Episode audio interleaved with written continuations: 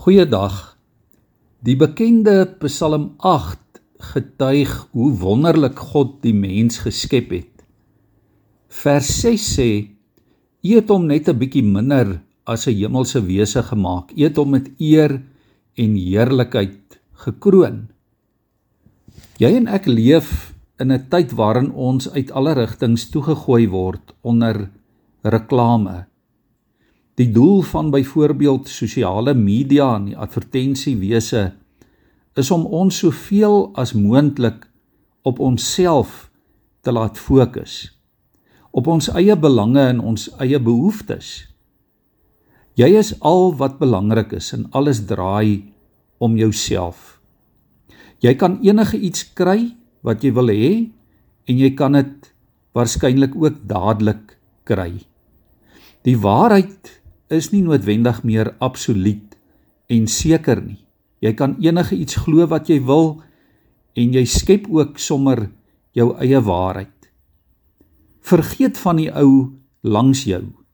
Fokus op jouself en op jou eie belange. Jy is nommer 1. Jy is belangrik.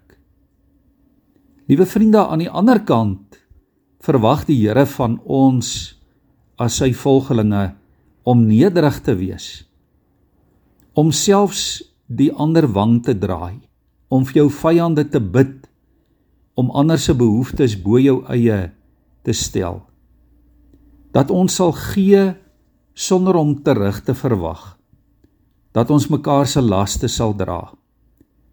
Dit is tog hoe Jesus was en hoe ons mos ook graag soos hy wil wees Maar vir die wêreld is al hierdie dinge swakheid. Paulus sê die wêreld dink ons is dwaas. As ons hierdie dinge begin doen, dan sê die wêreld ons is swakkelinge.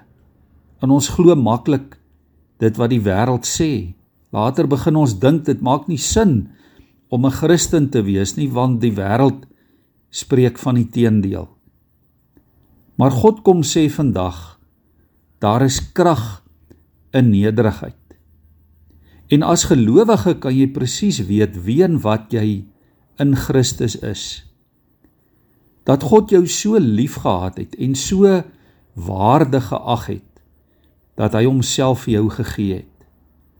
Ja, jy is die appel van God se oog. Jy's die kroon van sy skepping. Jy's 'n prins of 'n prinses van die koning.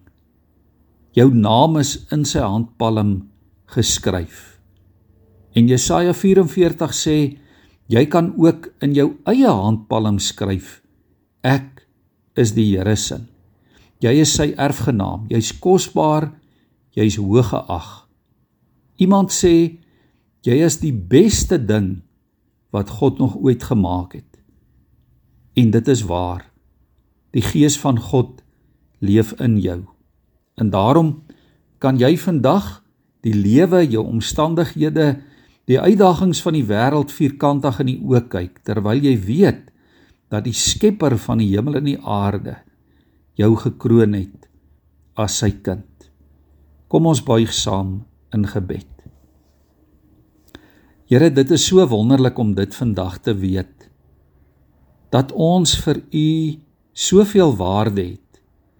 Dat U U seun na hierdie wêreld toe gestuur het terwyl hy van elkeen van ons. En Here, daarom is dit ons gebed vandag dat ons uit u volle waarheid sal lewe. Ja Here, dat ons dit sal wees wat een u woord sê ons is.